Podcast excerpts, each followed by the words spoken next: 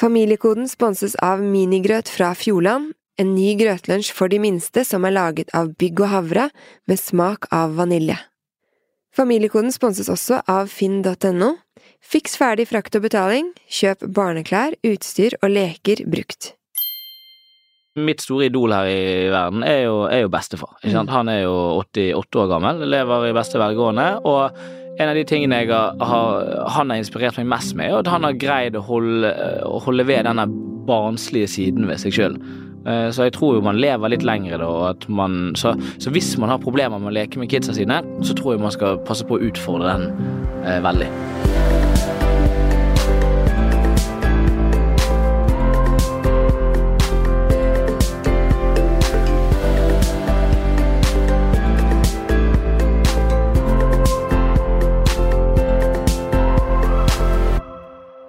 Velkommen til Familiekoden, podkasten der vi inviterer kjente personer til å ta foreldrestiltesten vår. Jeg heter Katrine Moholt og sitter her sammen med deg, psykologspesialist og tidligere barneombud, Reidar Gjerman. Og Reidar, hvis du skal gi oss ett råd nå helt i starten som kan være en inspirasjon for alle oss som er foreldre i dag, hva kunne det være? Det vil være å skru av varslingene på mobiltelefonen og være sammen med barna når det faktisk er sammen med barna. Det syns jeg er et veldig godt råd. Og det funker faktisk. Jeg har prøvd, og det er mm -hmm. veldig godt å ikke bli forstyrra. Men nå skal vi finne ut hva slags pappa gjesten vår er, så vi må ønske hjertelig velkommen til deg, Samuel Messi! Yeah! Jeg klapper, jeg, siden ja, det, er, det, det, det passer seg. Ja, du fortjener applaus. Du er altså eventyrer, foredragsholder, programleder og forfatter. Du har reist verden rundt sammen med bestefaren din i programmet Samuel og bestefar, og i løpet av fire år ble du far til fire. To gutter på to og fire år, og to bonusbarn på ti og 15. Ja, det er heftig. Hvordan skjedde det? Nei, det var jo kjærleik, da, ikke sant. Og så er jo jeg en kar som er litt sånn fremoverlent og, og ligger fremme i, fremme i skoene. Eh, så, og så hadde jo covid sikkert noe med det å gjøre også. Så da, når det ikke var så mye reising rundt omkring og, og sånt, så var det bare til å produsere, da. Men fortell, du, fortell, du møtte kona di, eller kjæresten? Eh, ja da. Samboeren? Eh, her i Oslo. Eh, og, og, det var jo eh, kjærleik, det, da. Ved første blikk? Ja da, altså vil du ha hele kjærlighetshistorien, liksom? Eh, det, jeg, jeg, jeg gjør sånn stereotypisk mann, syns det er litt sånn kleint å liksom eh, legge ut i videre bredder. Men det var Jeg prøvde meg på hun, og hun eh, likte ikke meg, og så gikk det noen uker, og så likte hun meg, og så og så begynte vi å lage barn, da. Så det var jo en fin, eh, fin eh, romantikk, det, da. Ja. Og er fremdeles en romantikk. Ja, men jeg tenker du må jo ha følt at det var veldig riktig, siden du bare Vi kjører på med barn. For det var, det, du har jo vært veldig sånn eh, Vi kjenner hverandre jo godt, du og jeg. Ja, da. Og du har vært litt sånn at du ikke har hatt planer om barn. Ja. Alltid likt barn, ja. eh, men tenkt at eh, jeg er et barn. Eh, så hvordan skal jeg barn, barn for et barn? ja. ja. Så, og det tror jeg mange kanskje føler. ikke sant? Er noe, man er vel gjerne aldri klar for å bli far. Eh, men, eh, men sånn skjer jo, og da, da, må jo man stå i det. Og så er jo det ganske sånn kjekt også, da. Men jeg tenker på, ja, du sier det, og så opplever jeg deg også som veldig uredd og i hvert fall for min egen del, når jeg ble mamma, så blei jeg veldig mye mer bekymra og tenkte at jeg, jeg, visste jo egentlig ikke hva bekymring var før du blir forelder. Åssen har det vært for deg? Har du blitt mer eh, pysete? Eh, ja, jeg går kanskje en, en, ekstra gang i hodet mitt, da, eh, gjennom ting. Eh, og jeg har jo liksom ikke lyst til å daue fra kidsa mine. Nei, nettopp. Så du har blitt mer redd for deg sjøl? Tar ikke de samme sjansene? Ja, men jeg er veldig bevisst på, på frykt og sånt, da. Så jeg er veldig bevisst på at hvis jeg føler meg redd, så er det noe jeg kan jobbe meg gjennom, da. Eh, og, og, så må jeg gå litt sånn eh, stegvis gjennom det på en eller annen måte. Eh, så jeg eh, har jo blant annet vært på Sydpolen etter jeg eh, ble far. Eh, og det var jo sånn en, en stor oppveining i forhold til risikoen. og Men men sant, det er jo den der eh, Man vil jo lede med eksempel på en eller annen måte. Eh, og man vil jo Man vil jo Det er den balansen mellom å leve sitt eget liv og elske livet, samtidig som man er en ansvarlig rollemodell for, for eh, kidsa sine, da. Og nå skal vi finne ut da hvilken foreldrestil en som er eventyrer har, for eh, det har vi ikke vært borti, Reidar. For Veldig spent selv, jeg. Ja, det er veldig spennende, for du har jo tatt eh, foreldrestiltesten vår, og vi da skal finne ut eh, hvilken foreldrestil du da lander på. Og da er det da fem foreldrestiler du kan havne på. Det er enten da strukturert, Nei, den er jeg ikke. det er ikke. målretta, Ja. empatisk, fleksibel eller beskyttende foreldrestil. Ok. Hva tror du da? Hvem av de fem syns du kjente deg mest igjen i? Empatisk, målrettet og, og Beskyttende Beskyttende er nok ikke så mye. Nei. Så det, akkurat de to, de to kan vi dytte vekk. Mm. Eh, så en, en, en blanding mellom de tre andre, da. Ja. Eh, Festen vil jo vise svarene. Det er ganske tydelig, kanskje. ja. hva tror du bestefar ville sagt? Hva slags foreldrestil du har? Han sier Samuel, du skal oppdra dine barn med kjærlighet og fasthet. Ja, så da, det er egentlig da empatisk og med målretta Ja. ja. ikke sant? Så, så det er det bestefars ord jeg prøver å leve, leve opp etter, da. Ja. Og alle resultatstilene i den testen de har jo både positive og negative sider. Er det noen av stilene du håper du ikke lander på? Jeg er jo vokst opp i et veldig sånn eh, fleksibelt slash tillatende hjem. Mm. Um, jeg håper jo kanskje jeg ikke er for mye der. Ja, for du, du, ikke sant? For du går, går litt bort ifra det, Ja, jeg og, vil, jeg og tenker at det er bedre med litt litt mer struktur. Mm. Mm. Men det er, det er veldig fint, og det er veldig riktig det du sier, Samuel, for testen Ok. Er viser det, den, er det Ja. trommesolo? Ja. Vi kjører på. Ja, den viser at du har både, som du sa sjøl, målretta og empatisk foreldrestil. Det er altså helt Ja. likt. Måten du har svart på, gjør at det er liksom helt Begge de er, er deg. Det er jo kjekt at det harmonerer med hva jeg ønsker ønsker og Og føler sjøl, ja. ja. Ja, Det er jo godt. Da har jeg litt selvinnsikt. Det er ikke Ja, ofte en bergenser har selvinnsikt. veldig Nei, det er faktisk første gang eh, jeg har vært med på. Mm. Ja. Men hva tenker du om det, da? Empatisk og målrettet. Ja. Eh, nei, altså, jeg visste jo at jeg ikke var strukturert. Det, den, eh, den, eh, den har jeg aldri hatt, og kan jo ikke tilby noe jeg ikke har. Eh, men empatisk og målrettet, det tenker jeg er, er veldig fint. Det er veldig viktig for meg å, å forstå hvordan barna mine har det, og at de, at de kan snakke om hvordan de har det, og at det er mye varme. eh, Samtidig som, som målrettet, så må man både Man trenger innimellom push i reven, og det, det, den rollen tar jeg, eh, tar jeg på meg. Og Reidar, hva, hva kan du si om det, når, når foreldrestilen havner altså 50-50, målretta empatisk? Hva vil du si om den? Nei, Det høres jo ut som du har eh, altså, sydd disse barna ganske bra inn i den sømmen som eh, også passer det livet du lever, da. Um, Og eh, det å ivareta dem eh, følelsesmessig samtidig som at du er Det viser med de måter å leve på at det går an å sette seg mål og nå dem. Det, det er jo helt sikkert veldig inspirerende. Og, og så handler det jo om at du må finne en eller annen balanse som gjør at du ikke setter mål for dem som egentlig du ønsker at de skal oppnå, men at du hjelper dem med å finne sine egne målbilder, da. Jeg Er tenker det er veldig logisk. Det jeg ser jo Det var kanskje mer vanlig før at uh, man hadde foreldre som, som eh, levde sine egne drømmer gjennom barna. Uh, en teori, kanskje, men, uh, men, men jeg er veldig, veldig enig i at det er en fare. Eh, og så har jeg nok veldig sånn det er jo den empatiske siden av meg som er at jeg ikke driter i hva de gjør. Bare, bare gjør noe. Men, men hvis de gutta dine da kommer og sier til deg at pappa, vi eller kunne ikke tenke seg Altså, eventyr er så langt ifra det du kan Vi, Altså, har hvis lyst de har til å lyst bo til å her. drive med regnskap, da. Ja, og det er sitte jo og det ha den samme jobben. Jeg er enig i. Grusomt. Så hvis jeg sier bare jeg har lyst til å bli regnskapsfører, så må jeg så klart pushe det. Sant? Jeg kan jo pushe det lite grann. Det er jo lov, eller ikke? Ja, altså, de har regnskapsfører på Sydpolen nå, det er jo en svær base der. ja, ja. Jo da, ja, sant, det er jo, alt er jo mulig.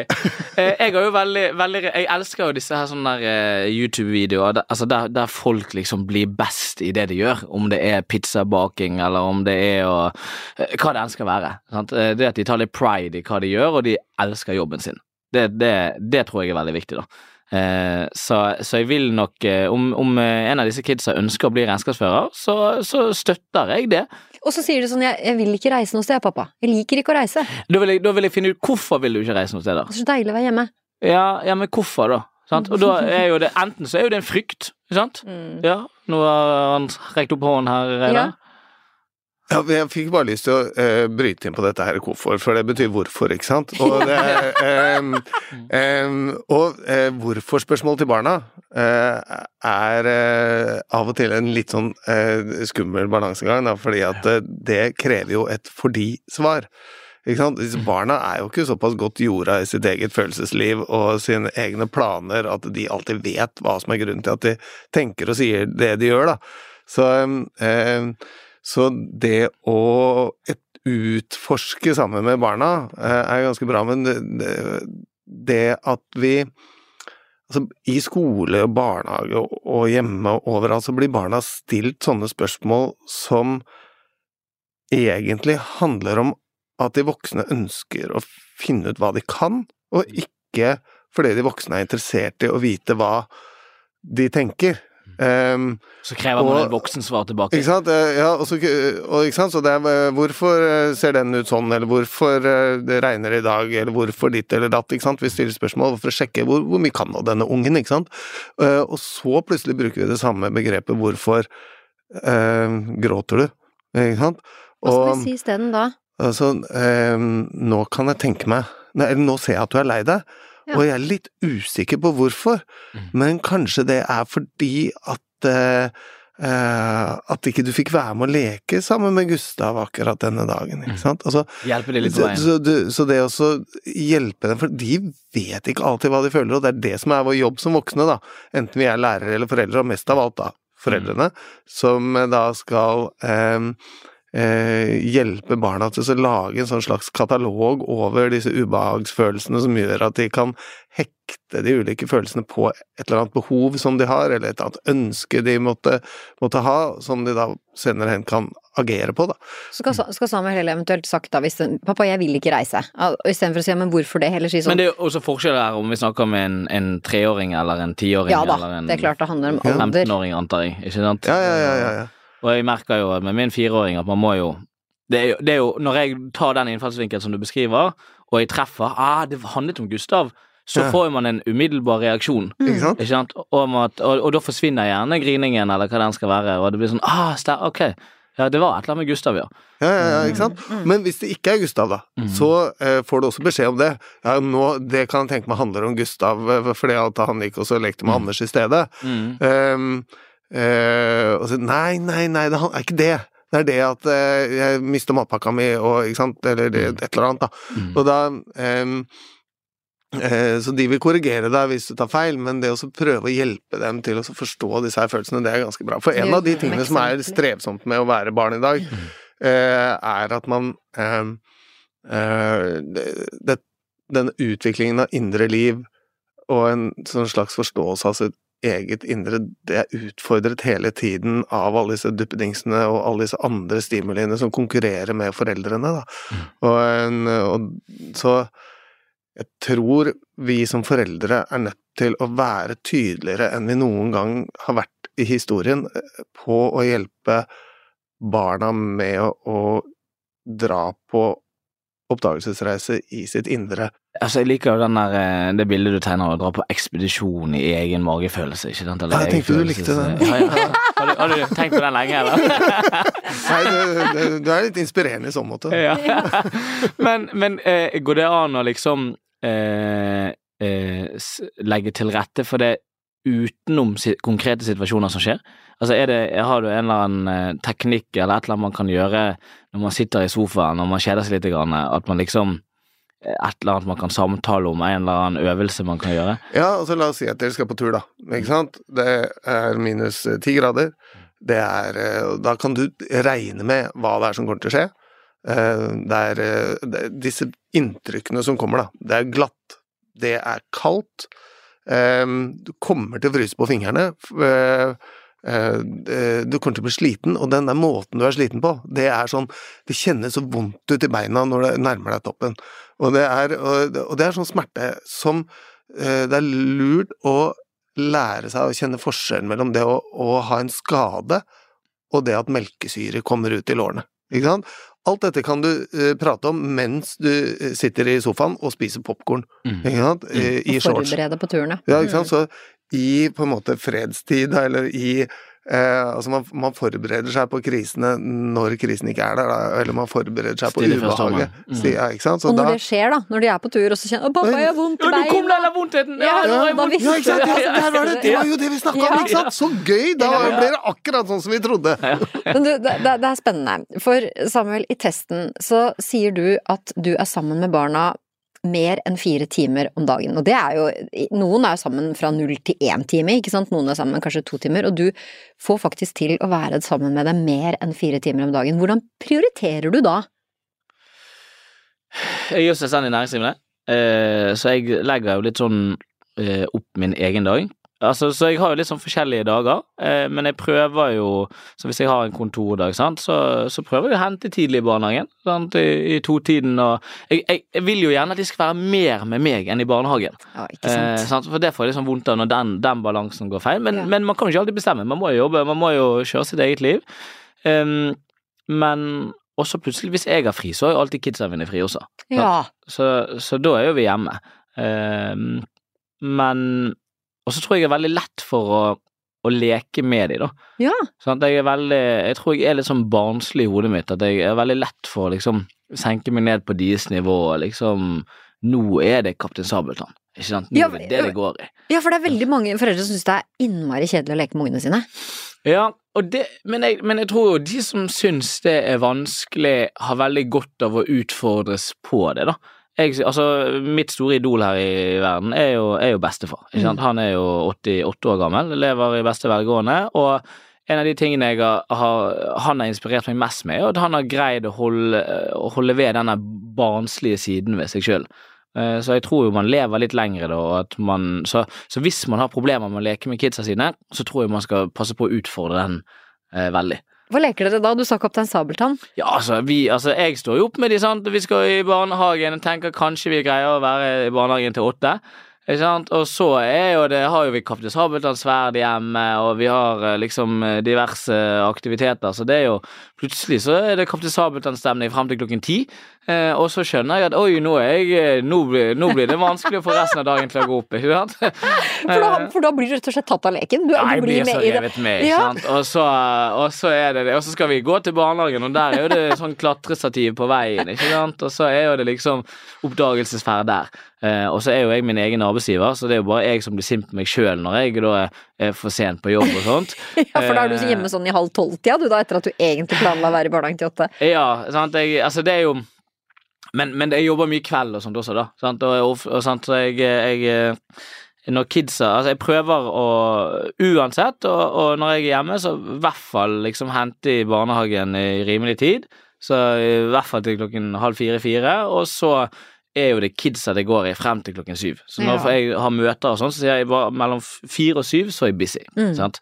Eh, men, men det jeg, jeg reflekterer jo mye over livet, og ikke minst uh, døden. Uh, jeg tenker jo at jeg ofte så setter jeg meg inn den, den problemstillingen Hva tenker jeg altså når jeg ligger på dødsleiet? Og da, og da tenker jeg at det er veldig mange Jeg har jobbet frivillig på sånn lindrende enhet og liksom vært med de siste tiden hvor de, hvor de, hvor de, før de dør, og det er sånn veldig mange som angrer på akkurat det der med kidsa. ikke sant?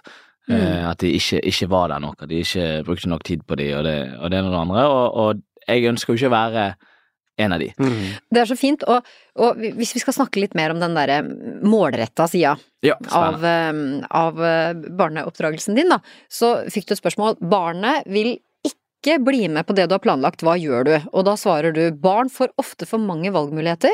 Vi holder oss til planen jeg har lagt, for jeg vet at det blir bra. Eh, og, og hva mener du da med at de har for mange valgmuligheter? Eh, inn, innimellom eh, så eh, lytter jeg mye til dem.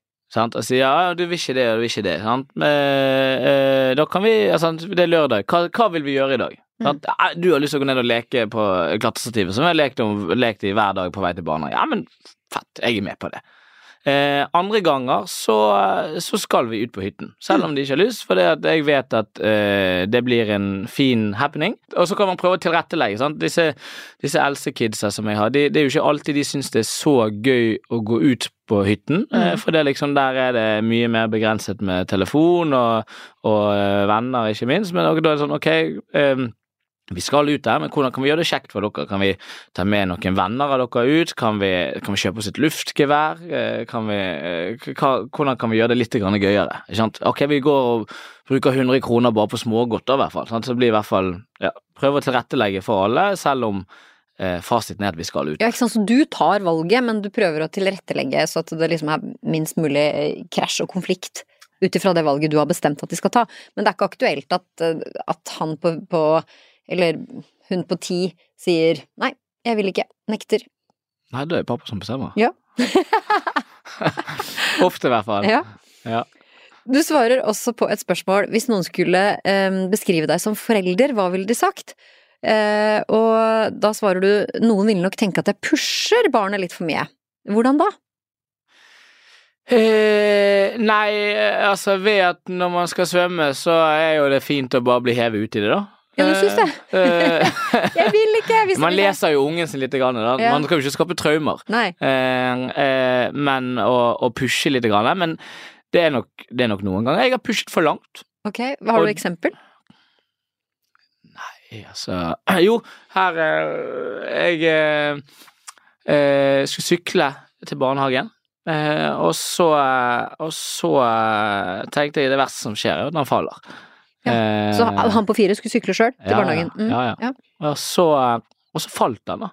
Men så falt han litt hardt. Og da fikk jeg litt vondt inni meg, da. Ja.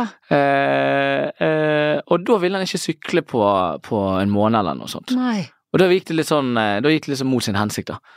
Eh, så da skulle jeg nok liksom bremset litt mer og sagt at nå må vi gjøre det rolig og Eh, så innimellom så går jo den pushingen veldig bra, andre ganger så går den ikke så bra. Det er jo en eh, Det å tryne på sykkel med far i nærheten er jo på en måte en drømmesituasjon hvis det betyr at man i det øyeblikket klarer å lære forskjellen mellom Nei, lære sammenhengen mellom det å være litt engstelig, det å miste kontroll, det å falle, det å få smerte, uh, og det å samtidig være under en eller annen slags form for meningsfull omsorg da, fra en omsorgsgiver som da kan hjelpe en til å sette alt dette her i sammenheng, som gjør at neste gang dette skjer, så blir det i hvert fall ikke så overraskende at det gjør vondt i kneet, eller at det gjør at man er livredd når bremsene ryker, eller hva det måtte være.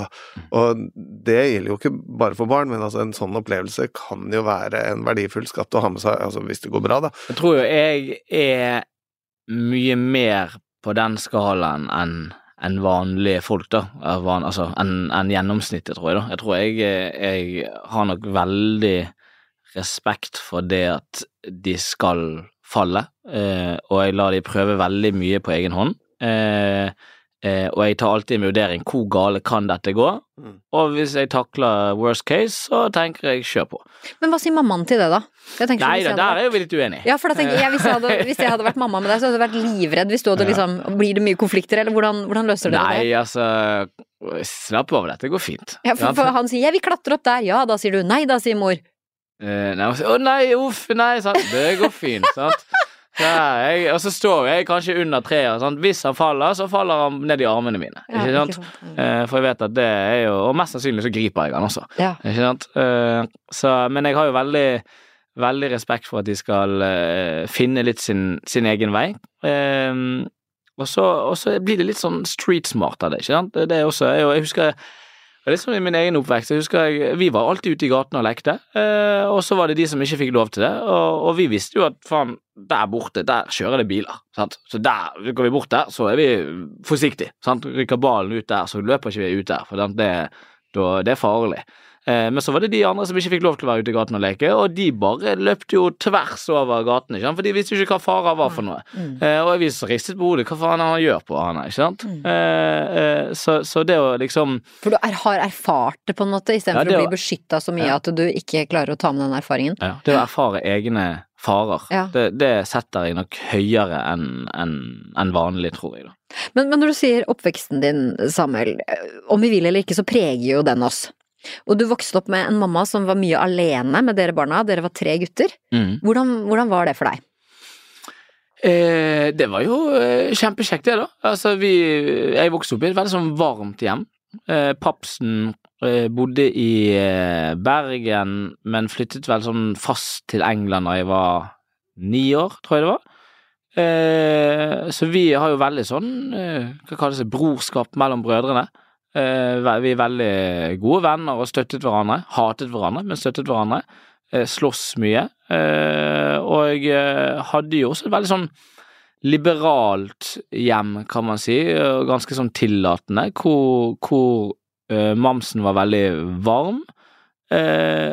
Og men, men vi måtte også finne litt vår egen vei, og det var nok ikke jeg som hadde tidligst innetider, for eksempel, når jeg kom opp i ungdomstiden og eh, Du hadde veldig fritt, på en måte? Ja, ganske fritt, ja. Mhm. Ganske fritt. Hva, hva, hva har du tatt med deg da fra din egen oppvekst? Inn i farsrollen din? Ja, det er nok øh, veldig mye ubevisst. Mhm.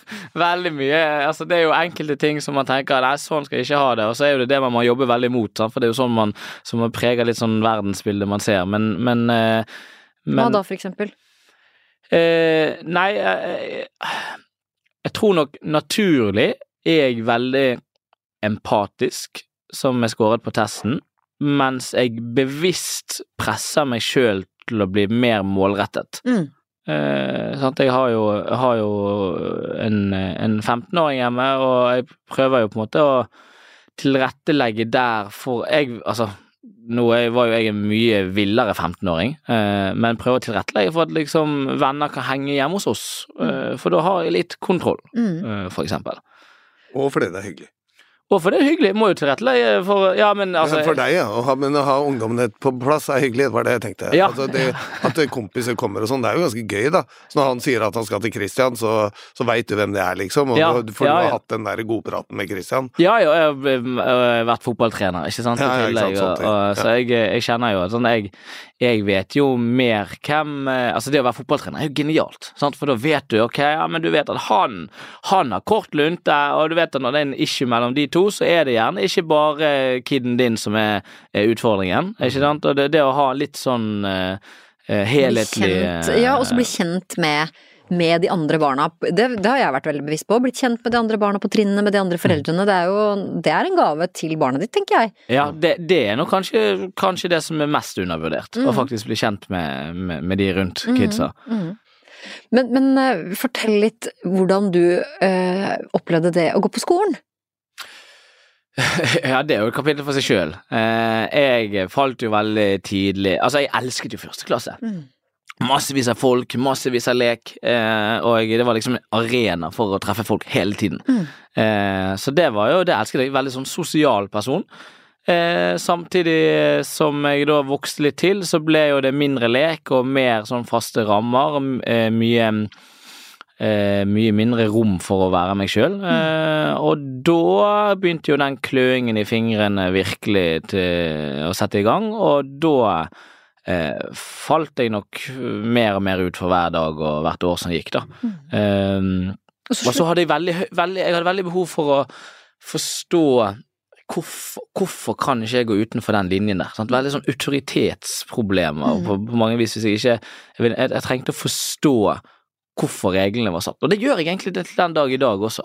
Jeg vet ikke om det er noe jeg er født med, eller noe jeg liksom har eh, lært meg opp underveis, men, men, eh, men jeg vil gjerne forstå hvorfor. Men hvordan vil du beskrive den følelsen av å ikke ville gå på skolen?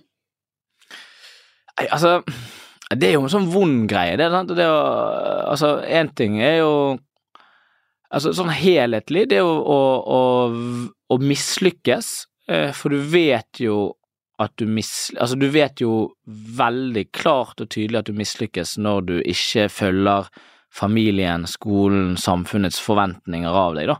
Eh, og det får man med seg eh, allerede fra åttende klasse av, eh, for min del, da. Eh, Så det er jo en sånn veldig vond følelse som, som, som preger deg, og så har man veldig behov for å, for å mestre. Eh, og da mestret jo jeg gjerne ting som var enda verre, ikke sant, for det, da var det gatelang som mestre og holde til på gaten. Em, så, så det var jo en veldig sånn mørk periode, egentlig, da, av livet mitt. Men det som, det som er så skremmende, egentlig, det er jo at dette med barn som ikke vil gå på skolen, Reidar, det er jo et så økende problem. Skolevegring. Dette skolevegringsmysteriet, som noen kaller det, da, det er jo et um, Det er jo nettopp et mysterium, uh, ser det ut til for ganske mange, for det, men det er jo mange ulike grunner til at barn ikke vil gå på skolen. Noe av det handler om reelle ting, som mobbing, eh, sånne ting. Eh, noe annet kan hende at eh, det som tilbys på skolen faglig sett, gjør at barnet føler seg da, dum eller annerledes, og at de ikke orker å stå i den følelsen. Og den, der kan vi jo som voksne ved hjelp av validering og den type ting eh, hjelpe barna til å håndtere de følelsene og så gi de riktige signalene, sånn at undervisningen tilpasses. Det er jo ikke bare de barna som har faglige utfordringer som kan vegre seg for skolen, det er jo også noen som da faller utenfor på den andre siden, altså at det går rett og slett for sakte på skolen, eh, og at de, de orker ikke det der eh, å dra beina etter seg eh, for å følge den eleven som har det vanskeligst i fagene, for eksempel. Så det er jo uendelig mange forklaringer på hvorfor barn ikke er i skolen. Noe av det, og et ganske vanlig fenomen som jeg synes at jeg ser i BUP, er jo at foreldrenes egen skolehistorie smitter over på barnas historie. Og eh, et, eh, på den måten at sånn Ja, matte, ja. ja. Det er skikkelig dritkjedelig, ikke sant? Ok, da er det garantert å få et barn som syns at matte er dritkjedelig, ikke sant? Så det å kanskje eh, være litt sånn taus med sine egne eh, opplevelser på skolen eh, hvis man ikke samtidig kommuniserer hvordan man faktisk løste det da, den gang, eh, hvis man gjorde det. det så der skal vi ikke validere, da, hvis, hvis barnet sier at matte er kjedelig? Jo, jo, jo, det skjønner absolutt. jeg er kjempekjedelig, du skal ikke være der, da. Jo. Kan, jo det, kan, det, er jo kjedelig ja. når man ikke får det til, ja. uh, så det forstår jeg veldig godt. Men det å på en måte være med på det å um, å erklære matte som en sånn derre det, det, er dritt, liksom, per definisjon, det er jo ikke så lurt. Um, så, så, egen skoleopplevelse bør på en måte ikke overføres til barna. Og samtidig så tror jeg vi må hjelpe barna til å tåle det ubehaget som er. Altså, vi skal validere følelsene sine, men de skal også tåle at det, noe er jo drittkjedelig, ikke sant. Altså KRL for eksempel, ikke sant. Noen ganger så sitter man der og lurer på det. Ja, ikke sant. Noen syns det er helt fantastisk. ikke sant. Og, men sånn nynorsk, da, det, synes jeg, det husker jeg at jeg strevde litt med. Det eh, syns jeg var gøy. ja, ja, ikke sant. Og, en, en, og det, så, ok, men sånn er det, liksom. Altså, det er forskjellige, og det, og det og så er det kanskje det siste som er den store spikeren i kista, som jeg tror ganske mange lærere ser der ute. Og Um, altså Jeg mener jo at vi skal høre på barna, vi skal validere deres følelser, og vi skal ta det på alvor, det de sier. Noen ganger er faktisk lærere krenkende overfor barn, mm. og det skjer. Mm. Um, og det husker jeg fra min tid som barneombud, at vi fikk en masse klager på lærere som gikk langt, langt, langt over streken. Um, men samtidig så tror jeg kanskje det er et større problem sånn rent antallsmessig, at vi eh, tenderer til å begynne å peke utover i stedet for å peke innover. Altså på den måten at vi skal finne skylda for at noe er gærent hos noen i systemet, ikke sant. Ja. Vet du hva, og så var mitt barn lei seg og gråt i timen og sa hun ikke ville ut fordi det regner. Og så sier læreren at jo, du må ut. Sånn er det på min skole, mm. ikke sant. Mm. Og da tenker jeg sånn, ja, Sånn er det på din skole, mm. og sånn mm. er det på arbeidsplasser. De må ut og snekre, ja. selv om det snør. ikke sant? Altså, at vi må lære så, ungene så, bli litt mer hardhuda. Altså, ja, og, det, og jeg tror kanskje at barna noen gang eh, agerer på foreldrenes angst, da. Mm. Og da er vi ute å kjøre. Ja. Mm. Kan jeg spørre om noe? Eh, mange barn er mye mer på telefon, har mye mer digital kontakt, og kanskje fysisk kontakt kan være litt mye mer skummelt kanskje enn hva det en gang var. En hypotese, eh, sant? som mm. er ganske Man kan være litt enig i. Ja. Um, uh, når man da sier at en stor del av skolevegring kommer av liksom angst, da. Angst for mennesker. Angst for, mange Jeg hører det igjen og igjen og igjen. Jeg har angst ikke sant, hos, hos uh, unge, unge, eller unge voksne da, på ungdomsskolen, for eksempel. Da. Um, hvordan angriper man en sånn situasjon? At eh, for å hjelpe et barn som har angst for folk som kanskje ikke blir mobbet, men syns det er veldig krevende å være rundt andre mennesker. Eh, hvordan hjelper man et sånt barn å komme på skolen? Bra spørsmål. Um, måten å håndtere irrasjonell angst på, da. Altså irrasjonell betyr jo det at man er redd for noe som man ikke trenger å være redd for. Eh, det er jo eksponeringstrening. Vi har alle sammen en slags alarmsentral inni hodet som ringer på, eh, og som skal liksom dure på når det er fare på ferde. Eh, men når den uler når det ikke er fare på ferde, så bør vi jo hjelpe den til å justere seg litt, da, tilbake i, i et modus hvor den bare piper når det er farlig. Um, så det er eksponeringstrening, og det handler om å være sammen med barna og gå steg for steg gjennom det de syns er vanskelig. Enten det dreier seg om høydeskrekk, eller det dreier seg om sosial angst, eller det dreier seg om det ene eller det andre. Um, Konkret da, Eh, skal, skal, skal, Samuel bli med på skolen da, for eksempel? Ja, for eksempel. Så jeg setter meg ved siden av og sier ja, men, ikke sant? Det er, det er jo en del foreldre som har benka seg på skolen, og så blir det på en måte også eh, normalen, og det er jo heller ikke så greit, ikke sant? Så det, man kan altså eksponeres først i, i, tankene og i samtalen, og så kan man være med, og så Ja, men da går vi dit, og så prøver vi oss på kjøpesenteret, og så, så går vi dit til den der, der hvor disse barna fins, på fotballtrening eller hva det er, og så, og så kjenne og så snakke gjennom akseptere og validere de følelsene som barna måtte få når det står masse der. Ja, men de står jo der, og så kikker de på meg hele tiden, og sånn, så ok, men da får du eh, stå her en stund til og se hvor lenge den angsten varer. Så det er eh, det å gå sammen med barna eh, i disse vanskelige situasjonene, det er, eh, det er, en god ting. Og igjen da ikke overføre sin egen angst eh, på barna, for det er jo en del foreldre som er ganske engstelige der ute. Og det, det smitter nedover i generasjonene, altså. Sånn eh, nevrotisisme og engstelighet, det har en tendens til å slå rot, og det bør man prøve å motvirke. Så da må man bli selvbevisst? Hvis man er veldig nevrotisk ja, som mor, for eksempel? Ja, ja. Eller, eller, far, nå skal jeg ikke være sånn. Men hvis man da er det, så må man da bli bevisst på det, og så må man da Eh, fake det overfor kidsa sine, da? Ja, eller, eller du trenger ikke, å, trenger å fake det når du er blitt bevisst eh, mm. hva det er som gjør at du har de reaksjonene du har, da. Mm. Ja, men si da at du eh, Altså, du er litt annerledes, men eh, du er livredd for at eh, kid, kiden din skal falle ned fra det treet, mm. ikke sant? Men så vet du at det er bare en meter, og det er mest sannsynlig så går det helt fint. Eh, og du står bare men, men, da må man kanskje gå litt inn i seg sjøl, yes. ikke sant? kanskje klatre opp selv først, og ja. vise at det går. Det er en god ting, ja. det kunne du gjort. Dette har vært en utrolig eh, fin samtale med en spennende eventyrpappa. Hvordan vil du oppsummere denne samtalen, Reidar, med en målretta, empatisk eventyrer?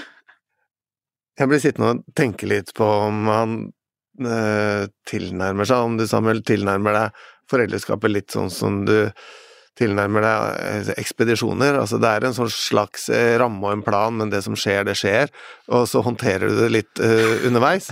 um, og, uh, og jeg vil tro at når du er ute på en ekspedisjon, at du uh, setter deg ned og evaluerer underveis hvordan du syns det har gått, for å planlegge neste etappe. Og hvis du gjør det i foreldreskapet, så, um, så kan dette bli skikkelig bra. og det tilbyr jo noen perspektiver og noen verdier til disse barna dine, eh, og ikke minst kunnskap, som jo eh, de færreste barn får med seg. Så vi må huske at det er en verdi i det å ha en pappa som lever ut en drøm. Det gjør jo også at de får store horisonter for sine egne liv. Ja, Å, så bra! Takk, Reidar. Og, og, takk, eh, Samuel. Herlighet. Eh, så deilig å snakke med en sånn eventyrer som deg, og, og, fint å se ditt perspektiv på hvordan du eh, er sammen med barna dine, og ikke minst tida du bruker med dem. Og i denne podkasten her så, så, pleier vi å avslutte med den sangen som, som, man synger for ungene sine når de skal legge seg, og du som bruker så mye tid med barna, og sier at liksom fram til leggetid klokka sju, da er, da er det hellige timer. Hvordan legger du barna? Eh, veldig forskjellig. Ja. eh, jeg har jo en tendens til at jeg syns det er litt vanskelig å roe ned, da. Så, så, det blir jo kanskje mye eh, hiv og hoiing før man liksom skal legge seg og tar sånn fra eh, sengekanten, ikke sant. Eh, men, eh, men på et eller annet tidspunkt så, så sovner, sovner de. Ja. Slasher vi. Ja. Men, så, men du er ikke så opptatt av at det da er stille kvart over sju, da, når dere begynner legging sju, liksom? Nei da, nei da. Jeg bare vet at de blir grinete hvis det går for lang tid, sant. Eh, Men, eh, men, men vi, vi kjører, vi kjører action helt frem til leggetid. Ja, så det er, det er rett og slett sabeltann fra morgen til kveld, og så slukker vi lyset, og så er det god natt. Ja. Ja. ja. Og så er du på'n igjen. Det høres ut som, høres ut som veldig gøy å være barn hos deg, Samuel. Jeg kunne, jeg kunne gjerne vokst opp i, i et hjem sammen med deg. Du er fin, Samuel. Virkelig. Så kanskje vi har inspirert eh, i dagens episode til å få en, en, en mor, kanskje, helst opp i et, et høyt tre. Ja. Lead by example. Mhm. Absolutt. Så der hører dere, Ja. alle mødre som hører på. Kom dere opp i, Opp i i Ut i skogen, opp i trærne. Nei, det er bra. Og så skal vi runde av med den sangen som du da synger for gutta, ikke bare om kvelden når de skal legge seg, men eh, også på morgenen før de drar i barnehagen. Også før middag og etter middag. Det er rett og slett Kaptein Sabeltann. Og Reidar, du, vår eh, kjære psykolog og pianist, vær så god. Du kan eh, sette i gang med Kaptein Sabeltann forspill. Fantastisk. Tenk, jeg Privatkonsert. Ja. Ok, er vi klare? da får du hjelpe meg, da, Katrine. Ja da. Ok. Jeg vet ikke noe. Seilte fra Karibien og anket opp i natt. Jeg har hørt et gammelt rykte om en helt fantastisk skatt. Kaptein Sabeltann er en farlig mann. Nå kan jeg lukte gull, er så ror vi inn mot land. Alle sammen! Hiv ohoi, snart er skatten vår. Så kan vi lukte rolig de neste hundre år. Rolig de neste hundre år. Arr! Og så må vi fekte litt, ikke sant? Yeah! Oh, wow! Fantastisk! Nyskapende og engasjerende. Elsker det. Denne podkasten er produsert av Monster for TV 2. Produsent er Anette Walter Numme, research og booking av Tara Solli, etterarbeid av Espen Rogne og Emin Milod, musikk av Espen Rogne. Ansvarlig produsent for Monster er Mira Khan, for TV 2 Mari Vattum, og redaktør i TV 2 er Trygve Rønningen.